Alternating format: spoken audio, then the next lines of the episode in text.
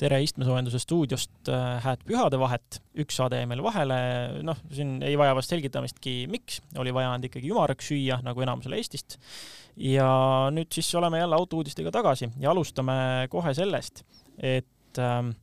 kui küsida kuulaja käest, et mis autot seostab ta Harry Potteriga, siis äh, mis auto see huvitav oleks? Indrek, mis auto see sinu jaoks on? Ford Anglia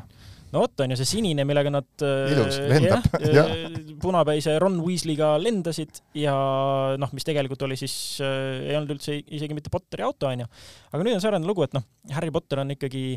teatavasti sellest äh, ümarapõsisest äh, väiksest poisikesest juba üles kasvanud ja teeb ka muudel, muudes filmides päris tõsist näitlejatööd. ja nüüd on ta valitud ühe, ühe siis ütleme, blockbusteri pahalaseks aga mure on säärane, et äh, Daniel Radcliffe ei ole siiamaani no ütleme, paljude jaoks saavutanud sellist äh, noh, niisugust äh, Bondi pahalase jõulist kurja olekut, et ta ikkagi paljudele on vast seesama ümarapõsine Harry Potter, et raske on teda nagu näha pahalase rollis. ega ta ei olegi paha, eks ole, ja tal on teine häda veel, et ta ei näe piisavalt maskuliinne välja, eks ole, ta ei murra läbi seina isegi hea või halva pärast, ta on niisugune viisakas, tore, sile noormees, isegi kui habe on, ikka on sile. no ta on täpselt nagu see, ütleme, see Lex Luthori versioon siin viimastes Supermani filmides, et niisugune, ta oli ka niisugune, ongi, ta ei ole nagu äh, füüsiliselt kuidagi imposantne, aga, aga jällegi see nii-öelda, ütleme, no mis see, mis see võiks olla siis niisugune kuri geenius, kurja geeniuse osa teeb selle nagu tasa, et noh, aga, aga selles filmis on nüüd siis äh, tehtud säärane lugu, et kui äh, Radcliffe ise läbi seina ei murra, siis seda teeb tema auto tema eest. Ja selleks valiti täiesti niisugune äh, omapärane ja haruldane toode nimega Apocalypse kuus korda kuus ja nagu nimi viitab, siis tegu on kolmeteljelise masinaga. tippversioonil on seitsmesaja seitsme hobujõuline Hellcati äh, LS mootor siis mehaanilise kompressoriga ja sinna vahele jääb veel ka vabalt hingav LS kolm. ja noh, siis on ka veel niisugune mannetu kolmeliitrine rida kuus diisel. aga aga noh, mis põhiline sellel autol, kõik kolm telge veavad, ei ole nii, et viimane on sinna lihtsalt butafooriana näituseks pandud. ja no see on ikka tõesti selline jõhk, jõhker sõjaväe, sõjaväemasina välimusega auto, mis kindlasti võiks siis nagu täiendada seda Radcliffe'i muud äh, murran läbi äh,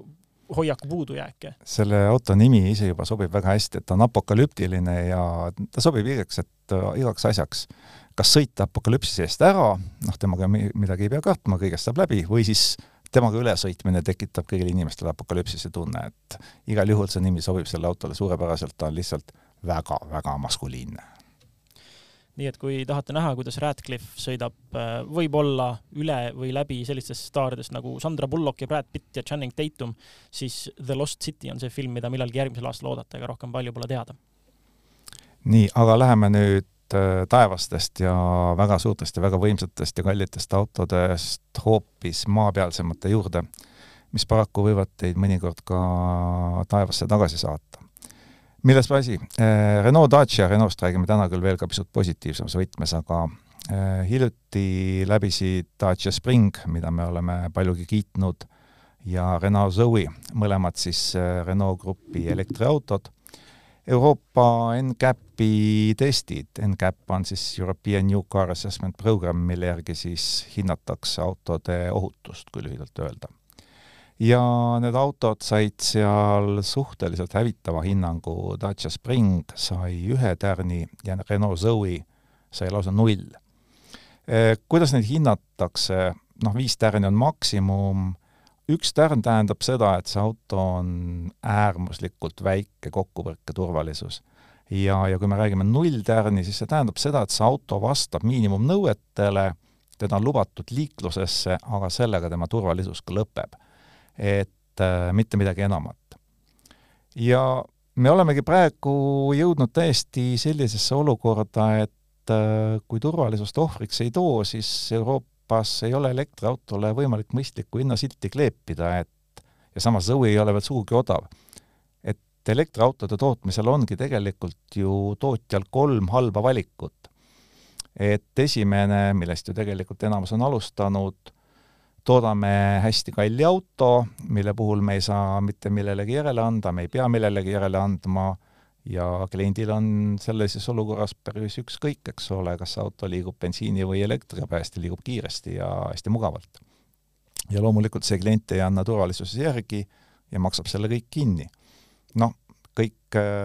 premium-klassi autod enam-vähem selle mudeli järgi ka tegutsevad. siis on teine variant, kuidas hakkama saada, on see, kuidas on teinud siiamaani Renault ja Dacia, ehk et toota teatud mudeleid, mille puhul taskukohane hind saavutataksegi millegi arvelt ja see millegi arvelt on siis just nimelt turvavarustus, ohutus, mugavus, kõik sellised aspektid, mis nagu peaksid normaalsel autol olema, aga kui sa ei taha hinda taevasse ajada, siis sa ei saa seda teha. ja kolmas on selline noh, see, kas nüüd öelda kuldne kesktee, aga niisugune läbihäda kesktee,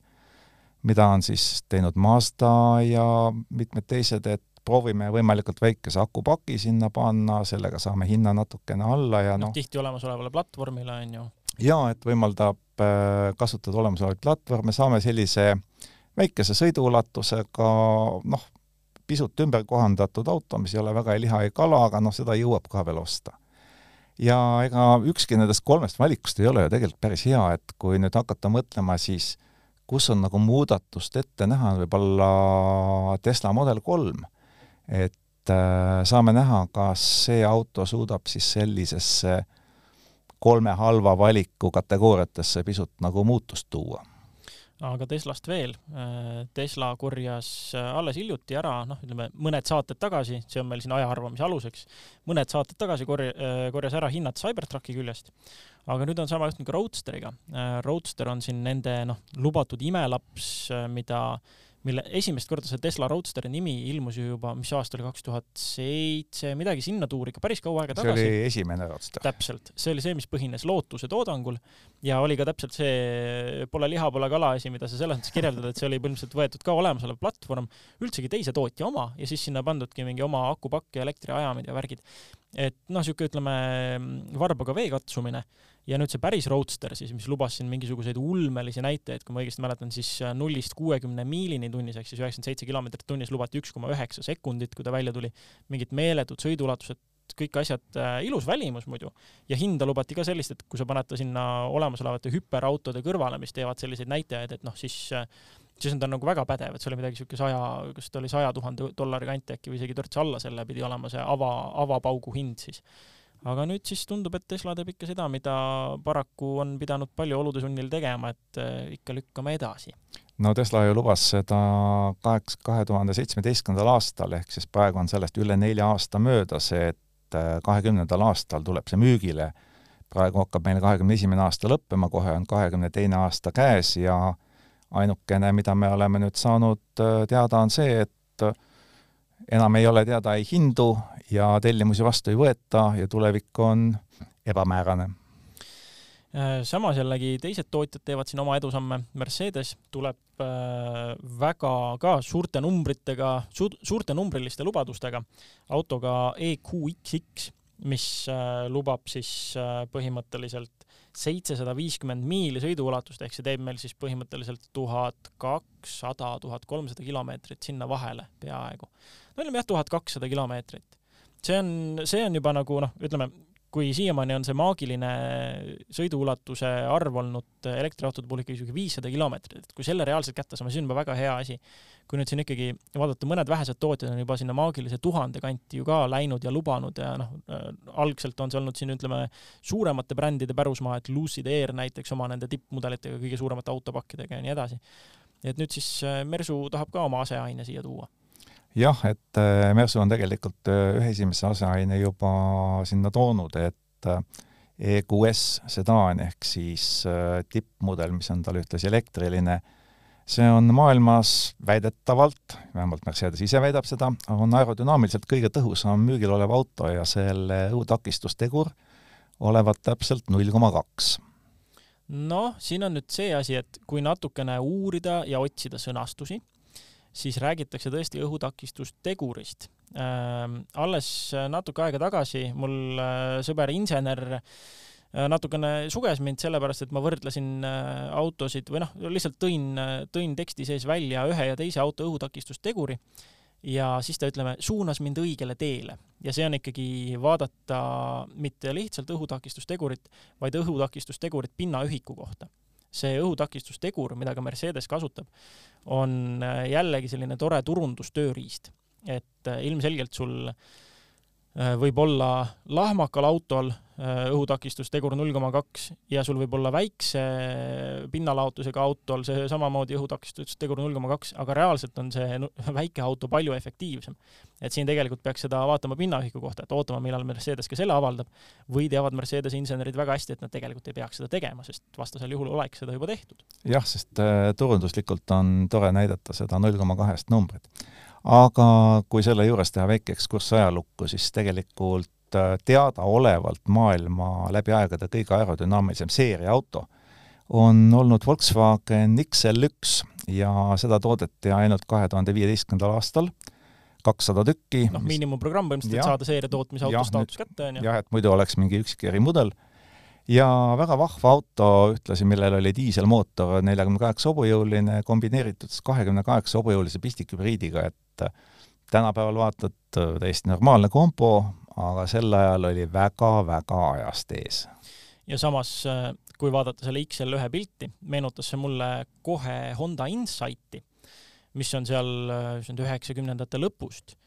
ja siis esimene põlvkond ja see on huvitaval kombel selline auto, mille järele mul tahtmine on äkitselt kasvanud hüppeliselt, ma ei tea, miks. ta on hübriid, on ka tilluke mootor, tilluke auto, tema miinuseks on see, et ta on kahekohaline, samas tal on taga jumala palju ruumi ja see lubatud kütusekulu on niisugune äh, kolm koma üheksa liitrit sajale ja ta on maru kerge ka, ta on äh, kõvasti alla tonni kaalub. Ja noh, üks äh, Youtube'i kanaleid, üks lemmikuid mul, mida ma jälgin, tegid hiljuti katse, kus nad võtsid sellesama esimese põlve Insighti ja üritasid lihtsalt seda kütusekulu üles ajada nii palju, kui õnnestub. võtsid need igasugused aerodünaamilised katted ära nii rat-, tagumistelt ratastelt kui põhja alt, ladusid äh, tsemendi ja liivakotte taha ja igasugust muud kraami, mida vaja oli, panid madratsi katusele äh,, sõitsid igal pool gaas põhjas ja no ega nad seda niisugune viieteist protsendi võrra nagu üles rohkem, rohkem kui seda ei suutnud nagu pikalt ikkagi ajada. et selles mõttes tundub jällegi nagu niisugune üks äh, tore masin, mis on igast asendist väga säästlik ja öko, aga paraku Eestis on neid väga vähe, et vanadest müügikuulutustest ma leidsin kaks tükki ainult. no seda on isegi palju, sest kui sa vaatad, milline ta välja näeb, siis ähm, noh, ütleme niimoodi, et mitte kõige apetiitsem. Stockholmi sündroom. seda on natukene on vaja äh, lihtsalt, see on, ütleme siis, kui ei taha öelda Stockholmi sündroom, siis õpitud maitse. et et see auto meeldima hakkaks ja ma olen sinnamaani jõudnud, et täitsa tegelikult meeldib, täitsa, täitsa apetiitne tundub aga vanade väikeste mootorite juurest äh, lähme suurte tänapäevaste mootorite juurde, see on äh, need, see on peaaegu oksüümoron varsti juba, suured tänapäevased mootorid. aga ma saan aru, et on, on midagi säärast isegi tulemas. jaa, et äh, Stellantis, hiidkontsern, on välja töötamas ühte mootorit, mille kohta, kui ma seda uudist lugesin, siis ma lugesin seda mitu korda ja suhteliselt raske oli oma silma uskuda. et nad on asunud välja töötama uut rida kuus mootorit, et rida kuute praegusel hetkel kohtab ikka kapotialustes juba üsna harva. ja samas on tegemist ju mootoritüübiga, mis on kõige stabiilsem, mis olla annab. ja noh, mootorile on pandud nimeks Tornado, kood GME T6, see ei olegi nagu väga oluline, ja kus seda hakatakse kasutama? Esimeste asjadena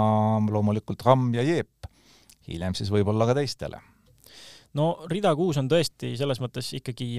isikupäraga mootor, ütleme, ja siin on õrritanud äh, Mazda, et nad hakkavad seda tootma, aga Mazda tegi väga ootamatu lükke, tõid hoopis enne rida kuuteid tagasi vankli, nagu jällegi aja arvamise mõttes üks või kaks saadet tagasi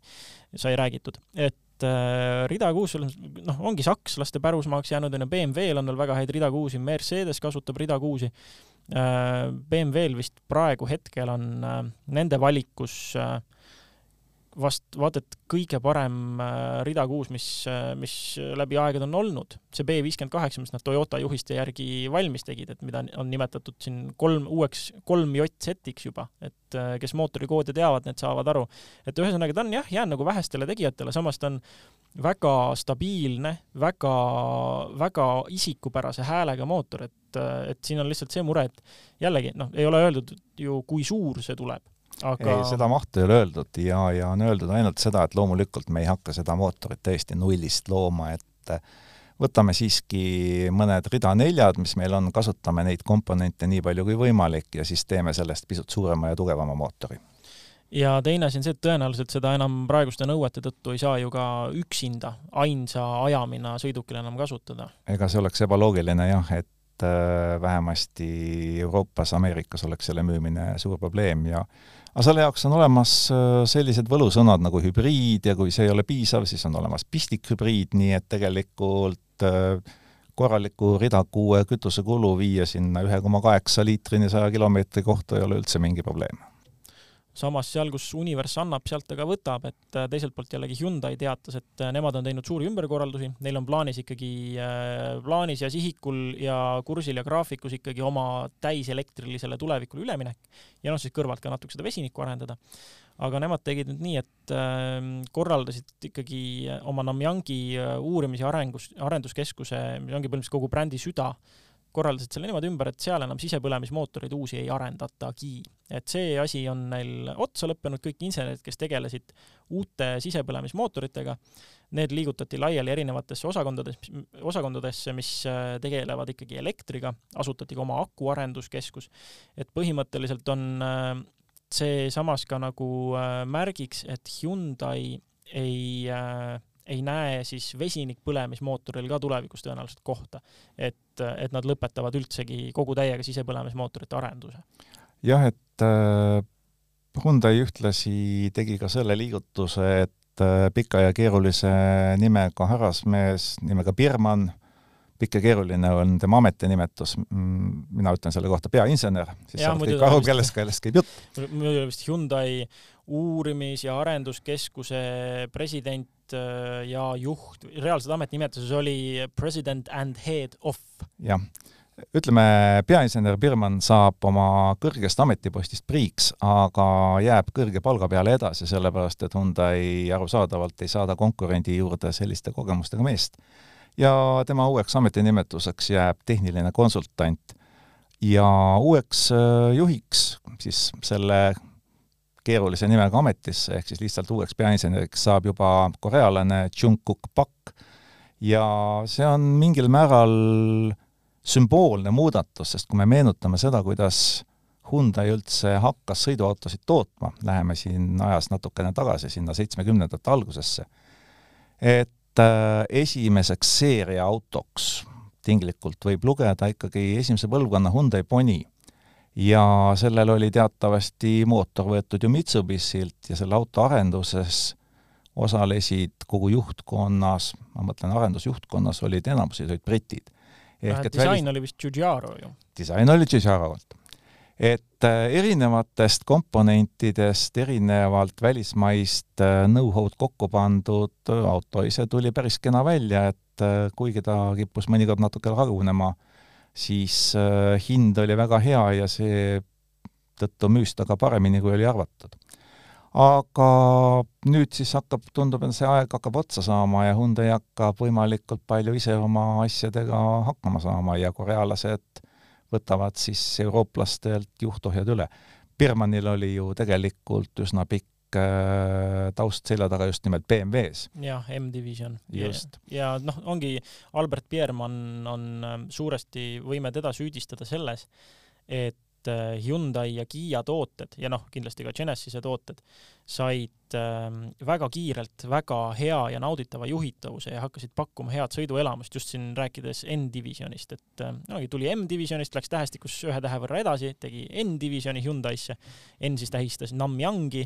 ja noh, osalt ka Nürburgringi, aga see oli niisugune pigem nagu otsitud seos et selles mõttes äh, mees tuli ja tegi väga suure töö ära ja muidugi kogemuste pagas oli ka suur kaasas. et ilmselgelt jah, noh, tema tehnilist, äh, tehnilisi teadmisi on tar tarvis selleks, et tuleviku elektrilisi sportautosid paremaks luua. et äh, noh, siin me oleme küll nii-öelda kuulutanud siin erinevate saatekaaslaste ja külaliste ja igasuguste inimestega seda nii-öelda elektri peale surumist ja seda, kui paha-paha see on. tegelikult kindlasti tuleb sealt väga häid asju, et äh, elekter pole paha-paha, see pealesurumine, see selleks, aga kui ikkagi korralikele teadmiste ja kogemustega inimestele see, see ülesanne usaldada, et elektriautot põnevaks teha, siis noh, Ioniq viis sai sellega juba tegelikult väga hästi hakkama ja see ongi hea, et Birman jääb äh, firmasse edasi, sest väga halb oleks, kui, mis tähestikus järgmine täht on, O, kui ta läheks kuskile O-divisjoni juhtima, kes mäletavad, mida tähendas O number üheksakümnendatel aastatel, saavad aru, millest me räägime. aga nii palju veel Hyundai'st et, ja elektrist, et Hyundai'l teatavasti on luksusbränd nimega Genesis ja Hyundai on öelnud selgelt, et aastaks kaks tuhat kolmkümmend on tegemist täiselektrilise brändiga, et sinna sisepõlemismootoreid enam peale ei tule ja Euroopas lõpetab Hyundai siis sisepõlemismootoritega autode müügi kaks tuhat kolmkümmend viis, nemad ei kiirusta, nagu mõned teised tootjad on seda kippunud tegema. ja on öelnud ühtlasi ka seda, et ta on äh, aastal kaks tuhat nelikümmend viis, ehk siis päris pikk aeg on sinna kakskümmend kolm aastat, et siis ta on täielikult süsinikuneutraalne, mis tähendab siis ühest küljest elektriautosid, aga teisest küljest Hyundai panustab jätkuvalt väga võimsalt vesinikule ja Hyundai on öelnud isegi sellise noh, ennustuse välja, mida tasub muidugi väga noh, reservatsiooniga võtta, et aastal kaks tuhat kakskümmend kaheksa peaks olema tema vesinikuautod sedavõrd tehniliselt täiuslikud, et nende omahind on võrdne elektriautodega. No elame-näeme. järgmiseks liigume aga nädalanumbri juurde, milleks on kaks, seekord ütlen ise välja kohe, aga Indrek, mida see kaks tähistab? no ikka Riviani, sest me ei ole ju täna veel Rivianist rääkinud. ja Rivian valmistas esimesed kaks maasturit, R1S, et kui me siiani oleme rääkinud äh, Riviani poolt toodetud autodest, juba paarkümmend autot on tehtud ja testitud ja mõned on testijad väga paksult rahul ka. Et nüüd äh, tuli välja siis ka esimesed kaks maasturit ja need anti siis üks ettevõtte juhile ja teine anti siis ettevõtte finantsjuhile. ja eks tal on seal standard back peal, mis siis tähendab viissada kaheksa kilomeetrit läbisõitu ja Rivian on nüüd öelnud, et eh, eks neid tellimusi on tulnud, aga täitmisega nii nagu on, alustatakse ikka pick-upitest, et kõik tellimused, mis neil praegu euros on, loodetakse siis märtsist juunini täita ja pärast seda pannakse rõhk siis nendele linnamaasturitele R1S, et juulist-septembrini, et noh, auto iseenesest ei ole ju paha, et kaheksasada kolmkümmend viis hobujõudu maksimaalselt äh, ja üle tuhande kahesaja Newtonmeetri pöördemomenti. kolme sekundiga sajani. jah, siuksed, äh, no pluss veel sinna clearance ka juurde, milleks on metsikud kolmkümmend seitse koma kaheksa sentimeetrit. no see võimaldab läbida üheksakümne sentimeetrilise veetakistuse. et täiesti nagu korralik asi ja tegelikult kuigi siin võib ju tõenäoliselt, noh, mul oli ka esimene mõte seda lugedes kohe, et noh, niimoodi omadele kohe siis kätte, tegelikult on sellel jumala pragmaatiline põhjus ju. kui sa annad seal ikkagi äh, nii-öelda testsatsi autod äh, firma nii tähtsatele ninadele siis noh, esiteks on muidugi see, et noh, okei okay,, me usaldame seda toodet juba, no see selleks, aga teine on see, et nemad on vast ka kõige õigemad inimesed, kes neid vigu seal saavad äh, tuvastada ja välja tuua ja väga kiiresti ka parandada lasta. ja noh, finantsjuhil on kohe nagu andmed kõrvalt võtta Excel olemas, et äh, kui palju mingite vigade parandamine maksma läheb ja mis nad siis seal peavad selleks tegema. just nimelt, et kui vigade parandamiseks läheb, siis see käsuliin läheb alla väga kiiresti aga kui Rivianist veel, siis äh, teatavasti Riviani suuromanik Amazon on ju tellinud Rivianilt suure hulga kaubikuid, mis ei ole üldse need popid maasturid ega kastikad. ja neid on siin-seal näidatud, nüüd nähti neid äh, ühes laadimispunktis, mille poolest nad silma jäid, nende disain on see, nagu oleme juba varemgi mitmes kohas näinud, tüüpiline selline kastikas, mis seal ikka Äh, miks nad hakkasid silma, nad on hiigelsuured. et äh, Rivian on sosistanud, et neid tehakse kolme mõõtu, mõõdud algavad viiesajast äh, kuupjalast, see on meile arusaadavalt neliteist kuupmeetrit, pisut rohkem, ja lõpeb kolmas kõige mahukam üheksasaja kuupjala juures, ehk siis kakskümmend viis koma nelikümmend kaheksa kuupmeetrit. Võrdluseks Volkswagen e-Crafter mahutab ainult kümme koma seitse.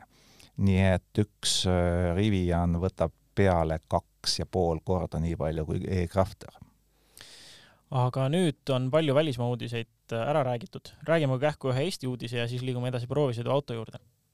Eestisse jõudis Volvo XC40 Recharge, mis on siis äh, tootja esimene täiselektriline auto pikka juttu ei tee, äh, Accelerista üks kaasautoritest, Erik-Herald Valter, tegi sellega proovisõitu, kohe varsti saab sellest ka lugu, loodetavasti juba siin isegi selle nädala jooksul. mis selle auto kohta on öeldud, on vaadates hetkel Volvo hinnakirju, siis elektriauto kohta üllatavalt odav. aga eks äh, selle näol olegi tegu ju selle nii-öelda selle esimese kategooria elektriautodega, millest me rääkisime. Nad on kallid, Volvo on väga selgelt luksusbränd ja see tähendab ka seda, et nende elektriautode maksumus võrreldes tavaliste autodega ei olegi väga suur erinevus. Äh, teada on ka Renault Megane E-Techi hinnad Eestis. Äh, sellel on äh, versioone mitmeid, aga saja kolmekümne hobujõulise elektriajamiga ja neljakümne kilovatt-tunnise akupakiga saab selle masina kätte kolmekümne nelja tuhande kahesaja euroga. Edasi tuleb kakssada kakskümmend hobujõudu, kuuskümmend kilovatt-tundi, varustustase kannab nime Tecno ja selline masin maksab juba nelikümmend üks tuhat nelisada. Et kui seda asja panna sellesse mõõtkavasse, millega me nagu harjunud oleme ja veidikene arusaadavam, siis võib-olla kõige võrreldavam on Peugeot E kaks tuhat kaheksa, millel on siis üht tüüpi akupakk viiskümmend kilovatt-tundi mahutavusega, mis mahub siis täpselt nende kahe Renault akupaki vahele ja selle Peugeot hinnad algavad kolmkümmend kolm kaheksasajast tuhandest eurost, mis on siis peaaegu täpselt sama, mille pealt algab nõrgema varustusega ja nõrgema mootori ja väiksema akuga Renault ja Peugeot hinnad kihutavad siis neljakümne kolme tuhande seitsmesaja euroni, äh, Renault omad lõpevad äh, tunduvalt madalamale ära. Ja kui rääkida nende autode mõõtudest, siis äh, Peugeot on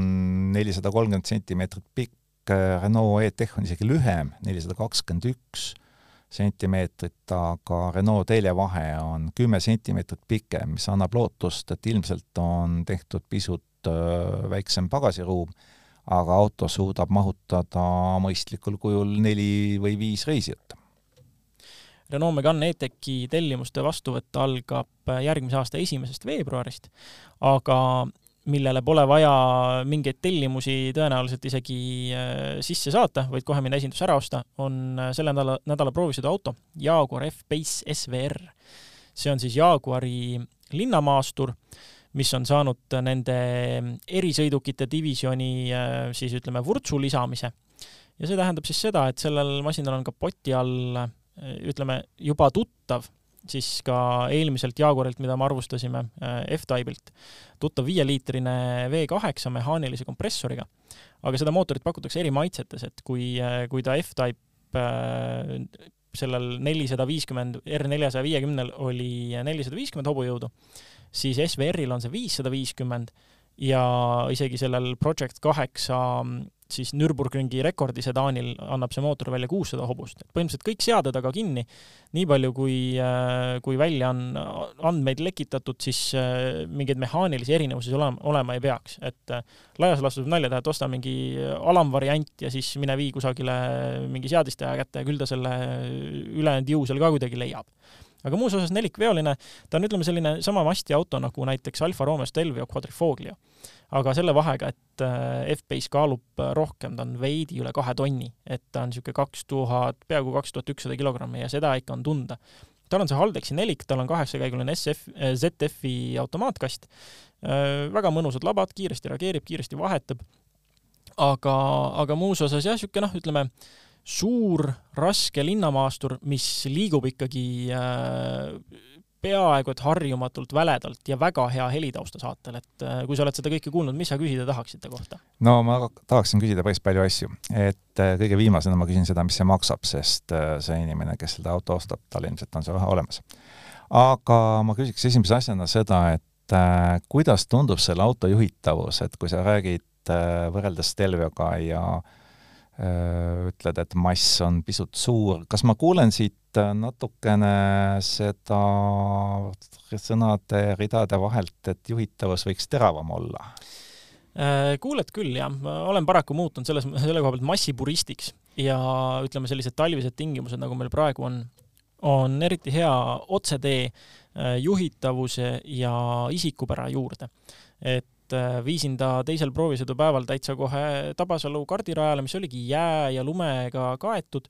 ja lihtsalt proovisin, et kõik abilised väljas, mida ta teeb. ja tegelikult see Haldex teeb täpselt sarnaseid asju sellele, mida tegi F-Type'i Haldex ja ja ta ei ole sarnane selles mõttes Quadrifoolio'le, ma pean ütlema, et Quadrifooliol ikkagi see tagaveolise iseloom oli kogu aeg tunda, aga F-Pace teeb selliseid äh,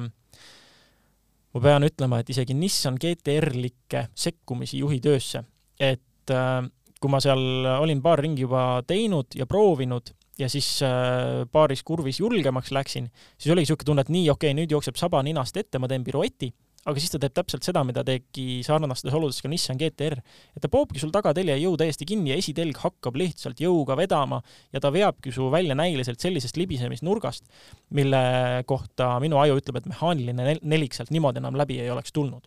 siin ongi hea see, et äh, ta ei poo kinni mitte mootoripöördeid ja mõlemat telge, vaid ta poob siiski ühe telje kinni ja teisega veab. ehk et tal jätkub piisavalt mõistust, mitte tuimalt kõike kinni puua ja siis vaadata lihtsalt, kuidas post. jah, täpselt, seda on juhtunud äh,, olen näinud ja jällegi pikemaajalised kuulajad teavad, mis autost ma räägin, aga äh, moodsad nelikad üleüldse jah, tihti teevad seda, et võtavad jõu ära, aga jällegi äh, F-Base'iga on see mure selle nelikuga, et äh, Jaagur reklaamib seda kui mitte reaktiivset, mitte reageerivat nelikut, vaid ennetavat ta peab nagu, üritab kogu aeg aru saada, mida juht teeb ja juba ennetab mingeid liigutusi. ja tegelikult see on see, mis natukene ka juhile nagu vastu töötab, et ähm,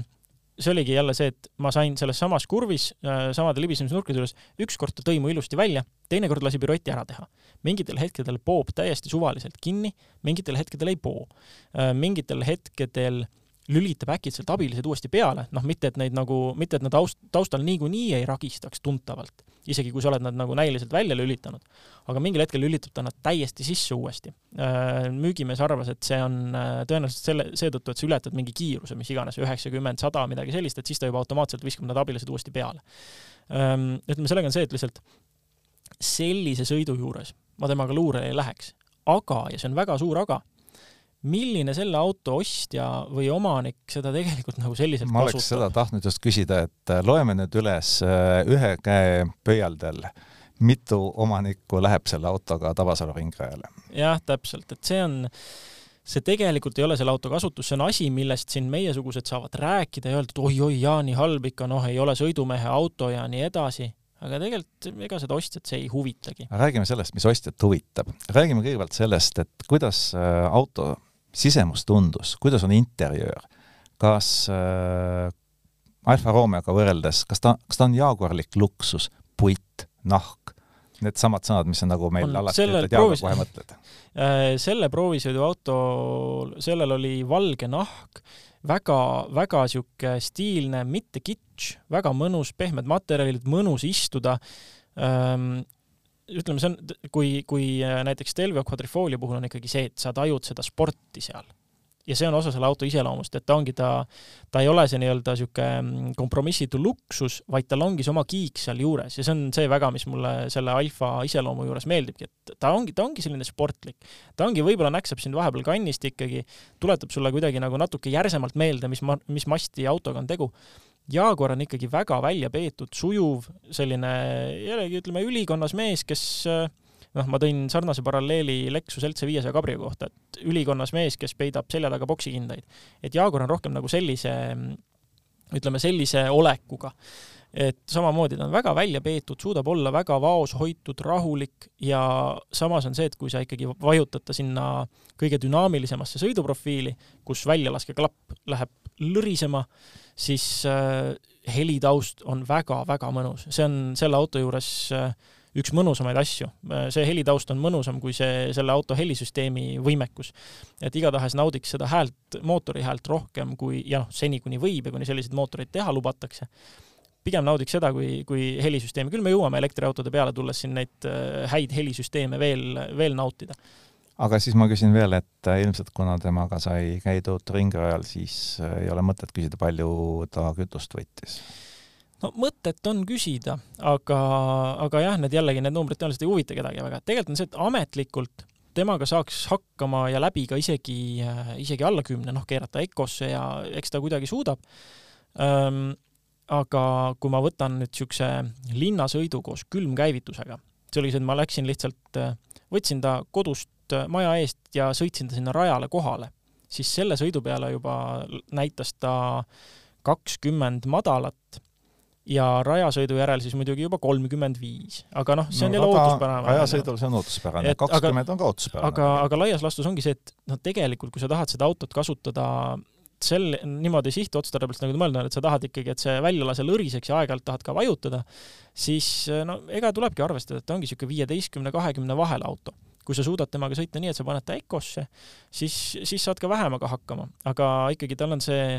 tal ongi täpselt see võimekus, mulle tundub, et ta sobib väga hästi inimesele, kes kes,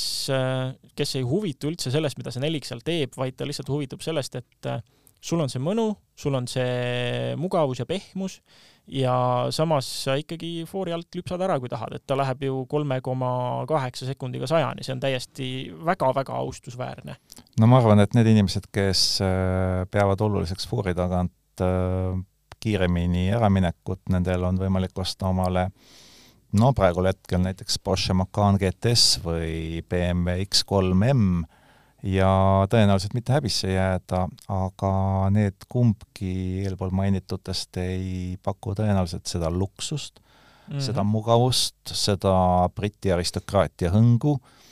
kuigi ma ei tea, kus see auto toodetud on, on ta Inglismaal tehtud ka või? Äh, seda ma ei ole uurinud, küll aga mis mulle silma jäi, aga see on jällegi vist proovisid auto spetsi-, spetsiifika. ma esialgu küll mõtlesin, mis mõttes, et kas äh, brittidel on äh, kerepaneelide vahedest nagu täiesti suva, aga tõenäoliselt on lihtsalt see, et see auto on olnud proovisõiduauto juba üksteist, kaksteist tuhat kilomeetrit ja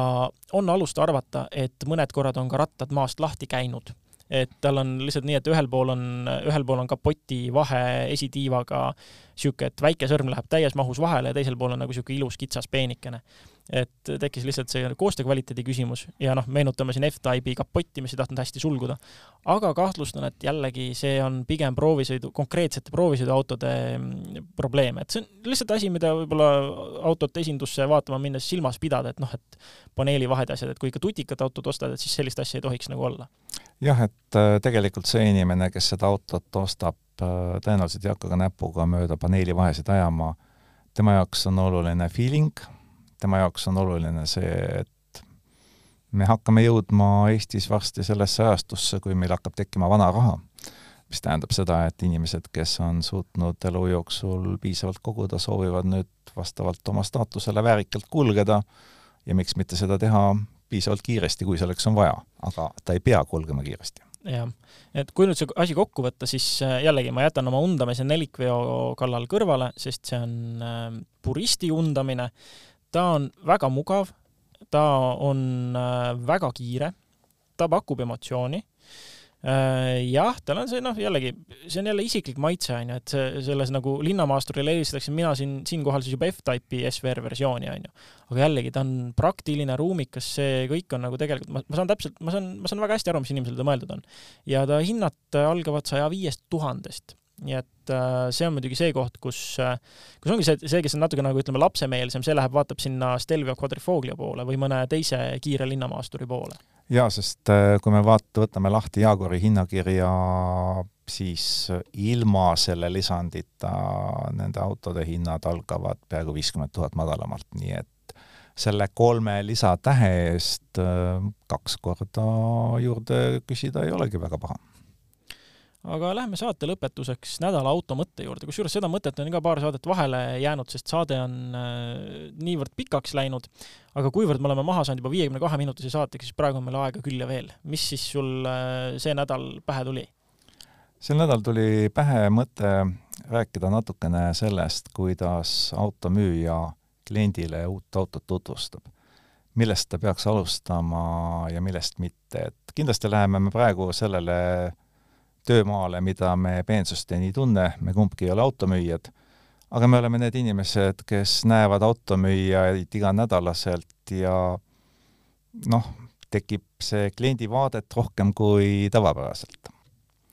et kui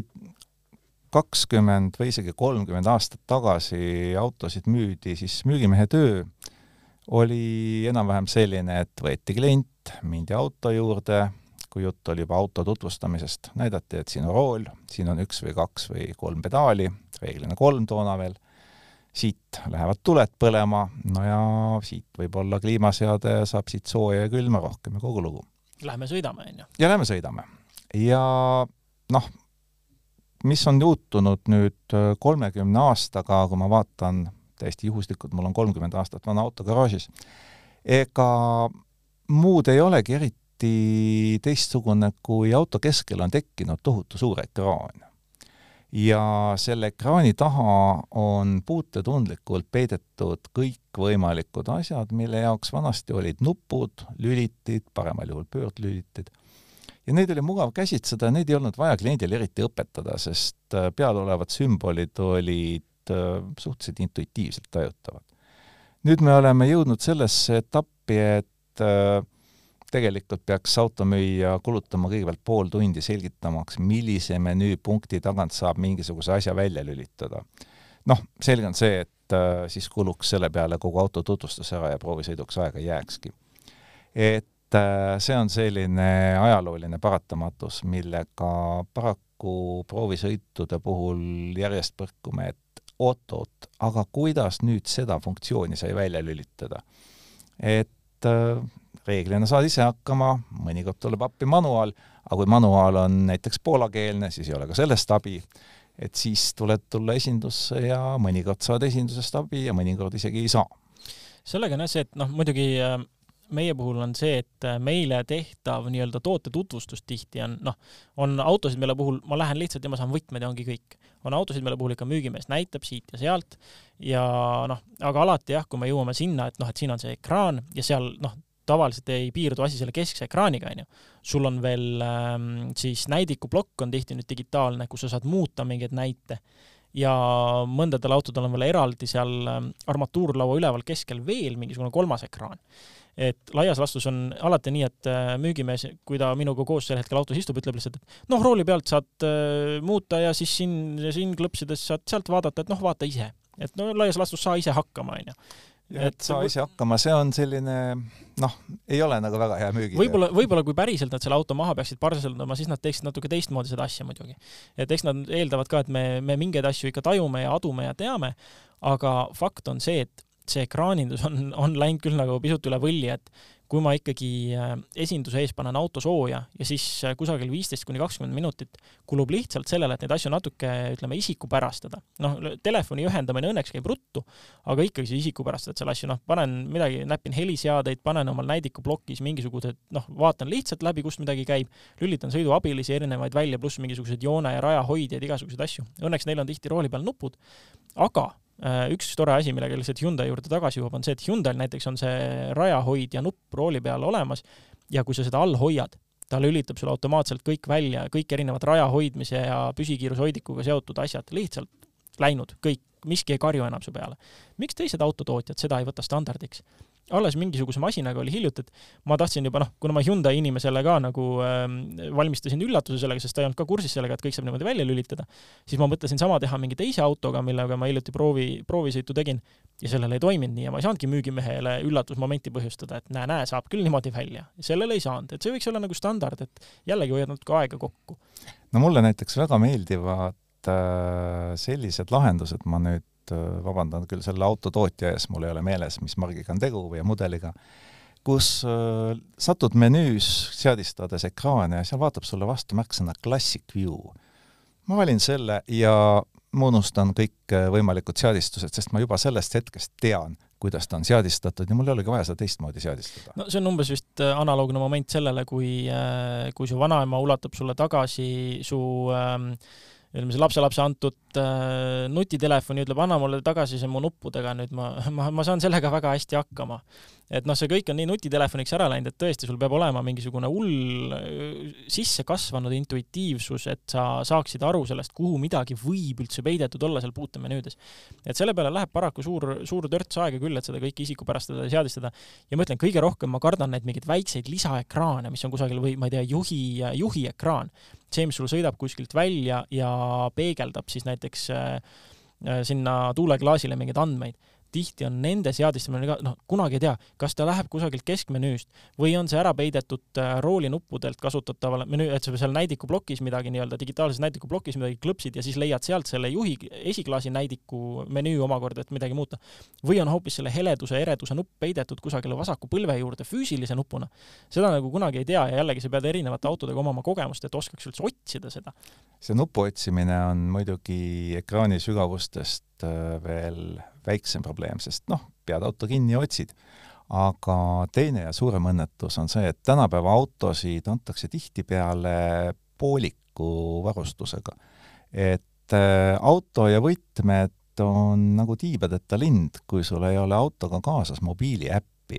ja paraku väga mitmed funktsioonid hakkavad muutuma ainult mobiiliäpist juhitavateks ja ei ole mitte midagi enam parata, kui sul ei ole autot konkreetselt mobiiliäppi sisestatud, siis sa selle autoga noh,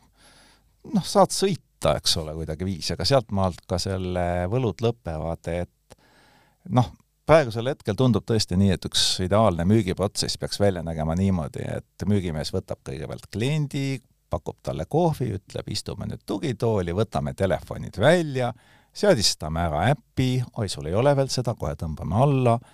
paneme selle auto sinna sisse ja noh, siit nüüd sa näed ise, sa saad selle auto sooja panna, sa saad sellega veel viiskümmend vigurit teha. ja ongi, seadistad kohe selle sealt ära, sel ajal, kui seal müügimehega kohvi jood, paned õues auto juba soojenema ja valmis, valmidusse, on ju. just, ja sul ei ole seda muret enam, et sa saad selle auto,